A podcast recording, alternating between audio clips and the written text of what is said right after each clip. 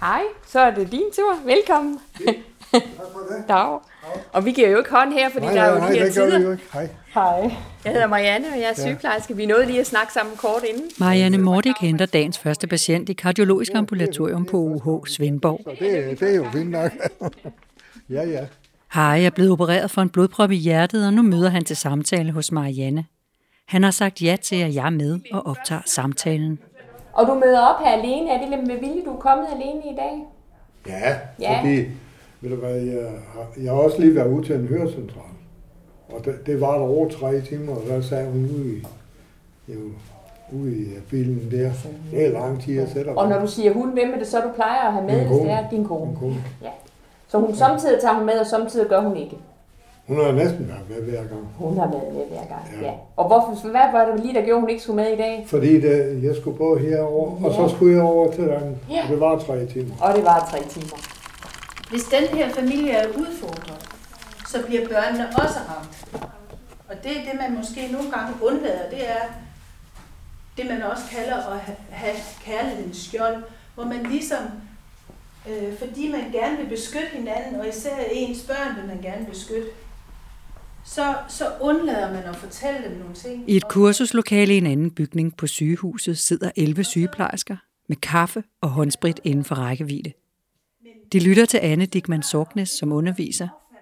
Anne er selv sygeplejerske på sygehuset i Svendborg, og hun har en master i familiesygepleje. det, det går ud på med familiesygepleje, det er, jamen når en i familien er ramt, så ved vi jo godt, at så rammer det ikke kun den syge, så rammer det hele familien. Øh, fordi man bliver jo ked af det, man bliver bekymret. Det påvirker, hvordan, hvordan skal vi klare os i familien, når det nu er, der måske er en, der ikke kan varetage de funktioner, de plejer. Og hvor skal du som sygeplejerske tage dig af det? Det skal jeg, fordi vi ved, at de familier, der ikke kan ligesom klare øh, de udfordringer, de får, de bliver lidende. Der bliver nedsat livskvalitet, der bliver øget sygelighed, der bliver, de bliver fysisk og psykisk belastet. Så det er derfor, det er vigtigt selvfølgelig, fordi ellers så har vi ikke bare én syg, så har vi en hel familie, der bliver syg.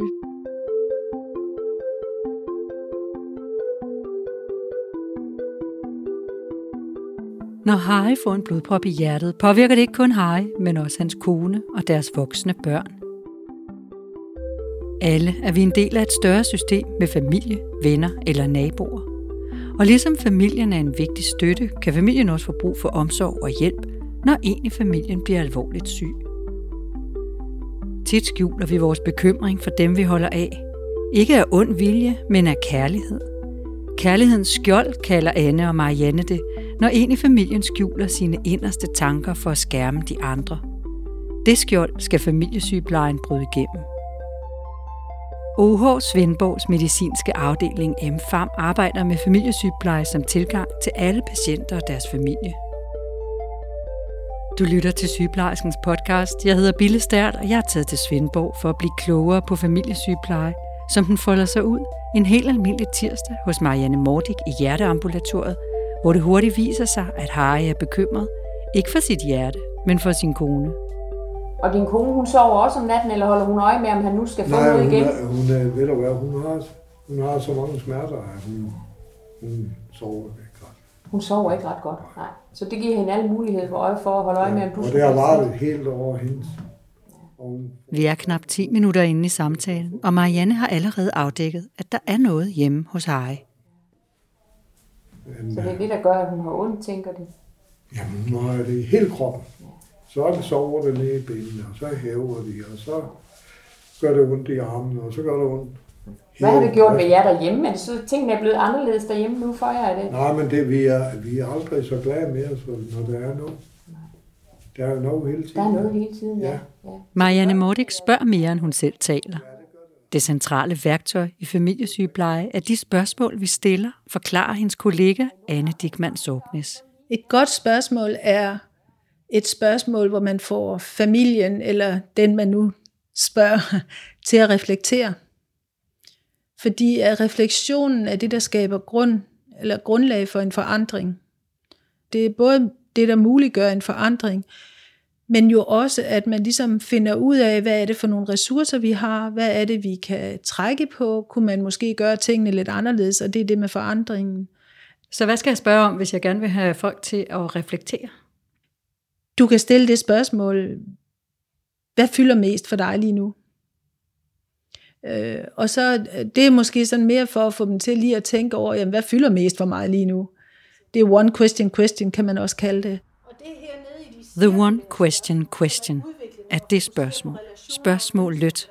Det centrale spørgsmål, som du altid kan nå at stille, også når du har travlt. One question question, det er, hvis man for eksempel ikke har flere timer til at snakke, så, så er det vigtigt lige at få afdækket, jamen hvad er det, der betyder mest for den enkelte nu? Hvad er det, du gerne vil have, vi lige får vendt i dag? Hvad er vigtigt for dig, at, for dig, at vi får op i dag? Og så spørger man jo så de andre også, hvad er vigtigt for dig? Hvad er vigtigt for patienten? Hvad er vigtigt for dig som ægtefælle, at, at vi får talt om i dag? Har du mærket noget til brystsmerter? For det er faktisk det, han skriver herinde, lægen, som laver ballonvidelsen på det. Han siger, at det vigtige er, at hej, han går hjem og mærker efter og finder ud af, om han egentlig har ondt i brystet igen.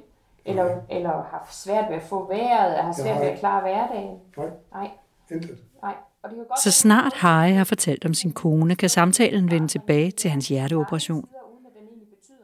Familiesygepleje hjælper familien med at tale om tingene og høre hinanden. Når alle taler åbent om, hvordan de har det, bliver rollerne i familien tydelige, og så kan de lettere finde nye måder at løse opgaverne på. Måske føler den syge sig som en byrde, fordi han ikke længere kan slå græsset, men hans kone er bare bange for at miste ham. Og måske sætter det den ældste datter under pres, når det altid er hende, hospitalet ringer til.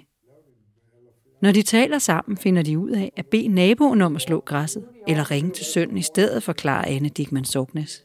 Det, jeg synes tit, man hører af dem, der bliver, virkelig bliver ramt, det er, at de siger efterfølgende, der var ingen, der på noget tidspunkt spurgte mig, hvordan har du det med, at din mand nu har fået als, eller din mand nu er blevet dement, eller min hustru for den sags skyld.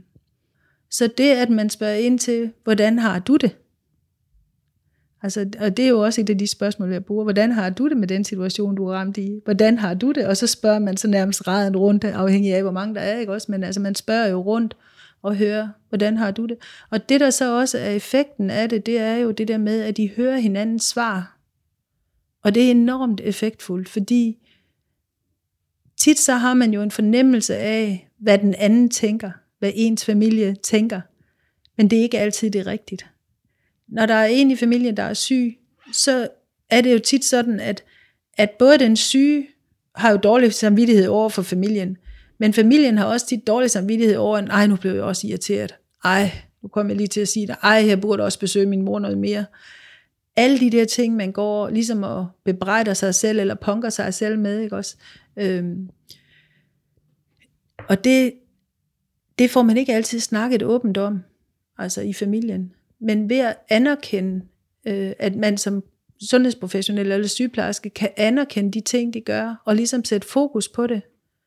Øh, hørte du, at din datter sagde, at hun elsker dig så højt, hun er så bange for at miste dig, eller hvad det nu kan være, så, så øh, får man sat fokus på, på de positive relationer, der er i familien. Og det vokser familien af. Det er der, hvor man spørger, hvad nu hvis I gjorde sådan? Kunne I tænke jer at gøre det? Hvor ser I jer? Spørgsmålene Hvor er vigtige, og det er ikke lige meget, hvordan vi spørger. Spørgsmål kan være lineære, og de kan være cirkulære. Og det er de cirkulære spørgsmål, som virker i familiesygepleje.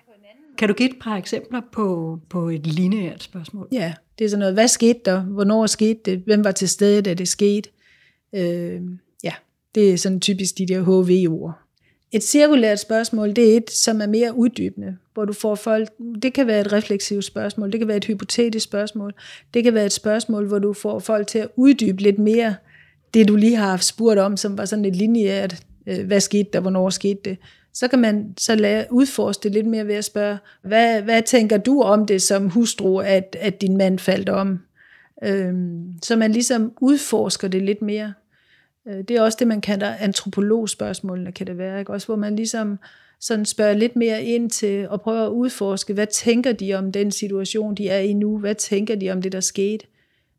Kan man sige, at øh, sygeplejersker måske traditionelt set stiller mange lineære spørgsmål og får styr på, hvad der er sket og hvordan det gik og sådan noget, men ikke stiller så mange af de uddybende spørgsmål, ikke stiller så mange cirkulære spørgsmål? Ja. Ja, det kan vi. Altså, vi er rigtig gode til de lineære spørgsmål. Vi er meget handlingsorienterede også, og det er jo også et af de lineære spørgsmål. Man kan sige, at vi vil gerne, og det er jo også det, der ligger i sygeplejeprocessen, kan man sige, at man ligesom afdækker, hvad er der sket, og så ser man, hvad er problemstillingen, ikke også? Jamen, så må vi så, hvad gør vi så ved den problemstilling? Og så evaluerer vi så selvfølgelig også, jamen, gik det så godt, eller gik det skidt, ikke også? Så, så der er det mere sådan, øh, fra at gå fra det der, hvad skete der, og så til, hvad gør vi så ved det? Sådan at sige, det er jo ikke altid, at familien er til stede heller. Men man kan godt lave familiefokuseret sygepleje alligevel, ved så at sige, prøve at inddrage dem, der ikke er der, og sige, hvad tror du, din kone havde tænkt om? Med på dagens kursus er også to helt nyuddannede sygeplejersker. I deres ører er familiesygepleje ikke et nyt begreb. Marie-Louise Fredegaard og Emilie Kronvold har begge lært om familiesygepleje på uddannelsen og brugt det i deres praktik. Hvad har I hørt i dag, som I tænker, det her, det tager jeg med hjem og gør? At det også er de små ting, der faktisk også er familiefokuseret sygepleje. Altså at, at jeg spørger til, hvem de har af pårørende, og ja, sådan stikke finger i jorden, høre, hvordan familien har det også. Fordi jeg kunne jo godt i den her undervisning, vi har fået i dag, får lidt dårligt samvittighed over ting, og gør jeg egentlig det, når det er, at jeg har så travlt med at tage mig af flere patienter på samme tid, og har jeg så fokuseret på, at de her patienter har det godt, og så tænkt, nå, der er faktisk også et netværk udenom dem, der er påvirket af deres situation, får jeg egentlig også dem med. Og så kan jeg godt tænke, oh, det ved jeg ikke lige helt, om jeg gør. Om man gør det godt nok, når der er sådan lidt travlt. Hvad er det, der giver dig dårlig samvittighed? Og det er jo fordi, hun gør opmærksom på noget af det her med, at der er, ja, som sagt, at det påvirker hele familien, når der er en, der er syg, og der er en, der ja, ikke er derhjemme, og der er noget, der er anderledes. Altså jeg vil sige, at øh, jeg vil gå tilbage til afdelingen, fordi øh, jeg har arbejdet med sådan en stor lupundersøgelse, der er foretaget på hele Svendborg Medicinsk øh, afsnit nu her i 2020, hvor at det også var inddragelse af de pårørende, der var mangel på. Og der har jeg øh, haft nogle små idéer, og det, det har jeg sådan, hvad kan man sige, det, i dag det giver det ligesom anledning til at gå tilbage og, og give nogle af de her idéer til, hvordan vi kan implementere noget bedre familiefokuseret sygepleje. Ja, det er blandt andet ved at, at lave et rum, der kun er til samtaler. Så du vil prøve at arbejde videre med det, når du kommer på arbejde igen? Ja, det vil jeg, fordi jeg synes faktisk, det er vigtigt, og jeg synes også, at man gør det implicit i forvejen. Der skal bare noget mere fokus og noget rum til det fordi der er ikke øh, rum til det i dag, hvis det skal være, øh, hvor der ikke er andre medpatienter, der ligesom hører med, fordi det er noget, altså, vi har jo mange patienter til få ikke? så på den måde, så bliver det ikke øh, privat. Nu er vi jo lidt inde på det. Øh, hvad er det, der kan forhindre jer i at bruge familiesygepleje? Det er øh, blandt andet op ved os, øh, når vi har travlt. Det er ikke noget nyt. Det har vi øh, ligesom efterhånden øh, vendt os til at sige. Men det er det. Altså øh, har vi øh, nogle akutte situationer, hvor vi løber lidt frem og tilbage, og har vi mange patienter, så er det ikke det, der er i fokus. Så er det meningen, du skal tage blodfortyndende bagefter? Ja, det er jo ja. blevet dobblet op jo helt. Det er blevet dobblet op, så du, så du tager det, der hedder Brilik, morgen og aften. Ja. ja. Ja. Og du er god til at huske din medicin, eller hvordan er det med det? Jamen, jeg har fået et medicinkort, og jeg, ja. Jeg har aldrig haft en uh, lille pilleask, men det har jeg så fået. Det har du så fået nu. Hvordan er det kommet til stand? Hvorfor skulle Fordi du... min søn har, har, har sådan en, og han sagde, far, det, det, det er meget bedre. Det er meget bedre, ja. Så der er nogen, der holder og... øje med dig på sidelinjen også, skal vi høre. Ja. ja. Har du haft indtryk af, at han har været bekymret for, om du kunne huske det?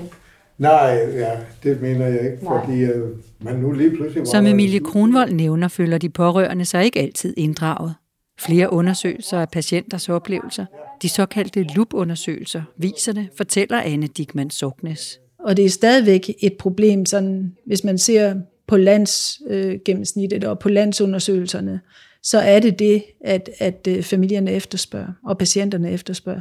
Det er, at deres, deres pårørende bliver inddraget noget mere, eller involveret i, i plejen og behandlingen, og ligesom bliver også ikke bare informeret, men, men også involveret i, hvad passer så til deres familie af, af behandling og pleje, og ja, altså hvad passer ind i deres liv, at man ligesom også tænker på det. Vi mener, vi inddrager familien. Vi mener, at vi, vi informerer dem, og vi inddrager dem. Øh, men vi gør det ud fra et fokus på, på patienten, og vi skal selvfølgelig også have fokus på patienten. Men det er også familien, vi er jo ikke sådan nogle solitære væsener, vi er jo en del af noget andet, kan man sige. Vi er en del af et system, hvis vi skal kalde det inden for de der systemteorier. Altså vi kan sige, familien er jo en helhed. Så når man er patient, jamen så er man jo ikke bare patient, man har jo et liv. Altså sygdommen er jo bare en lille del af den patients liv. Og det er jo også en del af familiens liv. Det er, nu har vi fået sygdom ind i vores familie. Hvor mange børn er det, du har her? Vi har to. Vi har to. Ja. Drenge og en pige. Ja, det er drenge, ved hvad, han ved at være 60. Så. vi, han, tror du ikke, han vil kalde dreng mere? vi kan ikke kalde ham, men vi kalder ham jo en dreng. Ved du hvad, bliver ved med at kalde dem børn lige meget, hvor gamle de bliver, ja, ja. godt? Ja, det hører bare til. Ja. det er bare sådan, der. Ja. ja. Så har du også børnebørn, kan jeg næsten tænke. Ja, jeg har ja. fire. Ja. Eller vi har fire. Mm. Det er godt. Og det er jo noget, vi har med os fra vores baggrund. Tilbage i kursuslokalet bliver Emilie Grunvold og Marie-Louise Fredegaard enige om, at de bare skal springe ud i det, også når tiden er knap. Jeg synes, øh, det, det, jeg synes ikke altid, det kræver øh, det store. Øh, altså det er bare at gå ind i det og være åben, og så øh, også være ærlig omkring øh, den tid, man har til det. Sige, ved du hvad, jeg har lige øh, et kvarter nu, og jeg vil egentlig godt lige spørge lidt ind til familiesituationen derhjemme, eller de hjemlige forhold. Jamen, jeg tænker, det er vigtigt det der med sådan ligesom at sætte rammerne for, hvad der er. Altså, vi vil gerne være der, og, men det kan godt være, at min telefon ringer, eller klokken ringer, og så er jeg faktisk nødt til at gå igen, men jeg hører på dig, og vil faktisk gerne høre om din situation, og hvad du tænker om at være lige nu syg, og hvad det gør ved familielivet og sådan noget. Hvad har været sådan det mest øh, overraskende, eller det, I sådan har været mest øh, begejstret for at høre her i dag indtil videre? Vi er jo kun halvvejs gennem dagen, det skal lige siges. At det behøver ikke at tage så lang tid at, øh, at lave noget familiefokuseret sygepleje. Det gør det ikke. Øh, at man også godt kan lave familiefokuseret sygepleje, uden at der er pårørende til stede, snakkede hun om. Ja. Øhm, at man kan spørge, jamen, øh, hvad tænker din pårørende om, du er herinde, eller har du fået ringet, og sådan afdækker lidt familieforholdene, inden de, uden de jo egentlig er der. Så det var medicinlisten, og det lyder jo som om, du har fuldstændig styr på det. Jamen, jeg har styr på det, ja. Hvad med den om aftenen? Er den nem at glemme? Nej, så der har jeg... Harry har styr på både sin medicin og sin motion. Marianne giver ham en flaske nitroglycerin med hjem, og da han er gået, spørger jeg hende, hvad det kræver at holde fokus på familien. Jeg synes, det kræver rigtig meget, at man øh, våger sig ud der, hvor man ikke ved, hvor, om man kan bunde. Det er jo ikke den færdige måde lige at lave øh, en hjertesamtale på. Der, der er der kig på alle kramfaktorerne. Og her der skal vi ud i noget, hvor jeg ikke ved, hvor slutter samtalen henne. Hvordan kommer jeg rundt omkring det her på en god måde. Øhm, og så kræver det, at man har gjort det nogle gange, kan jeg mærke, at man er, at man, øhm, Ja, men, og er man er oprigtigt interesseret, tror jeg, i den familie. Hvad er der på spil her hos dem? Hvad, hvad er det, der fylder i dem? Rigtig tit, så, som de sidder her, så er de faktisk rigtig påvirket og kede af det, og, og, og synes faktisk, at hjertesygdommen fylder langt mere for dem, end den egentlig gør for, for den, der har været indlagt. Mange af dem holder sig vågne om natten og holder lidt øje med dem, og trækker de nu vejret, og helst ikke have, at de går en tur alene, for hvad hvis nu han falder om derude og får ondt i brystet, og ikke selv kan få ringet 112? Så, øhm, så rigtig tit så det, er det et sted, hvor de så lige får læst de her bekymringer af, og hvor den anden part så siger, Nå, er du så bekymret? Det anede jeg da faktisk ikke. Du gik og sådan og holdt øje med mig på den måde.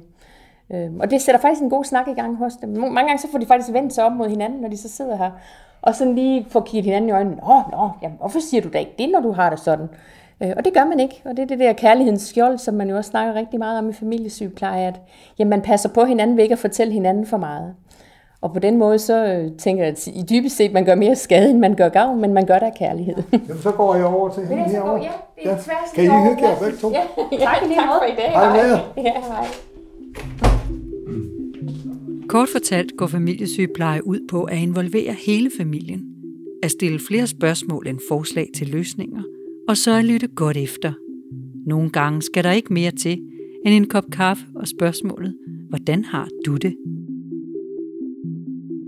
Du er som altid meget velkommen til at sende idéer og kommentarer til os på podcast dsr.dk. Hvis du ikke har hørt de andre episoder af Sygeplejerskens podcast endnu, så finder du os i din podcast-app eller på Sygeplejerskens hjemmeside. Dette afsnit var tilrettelagt og klippet af mig. Jeg hedder Bille Stærl, og jeg er journalist. Tak for nu.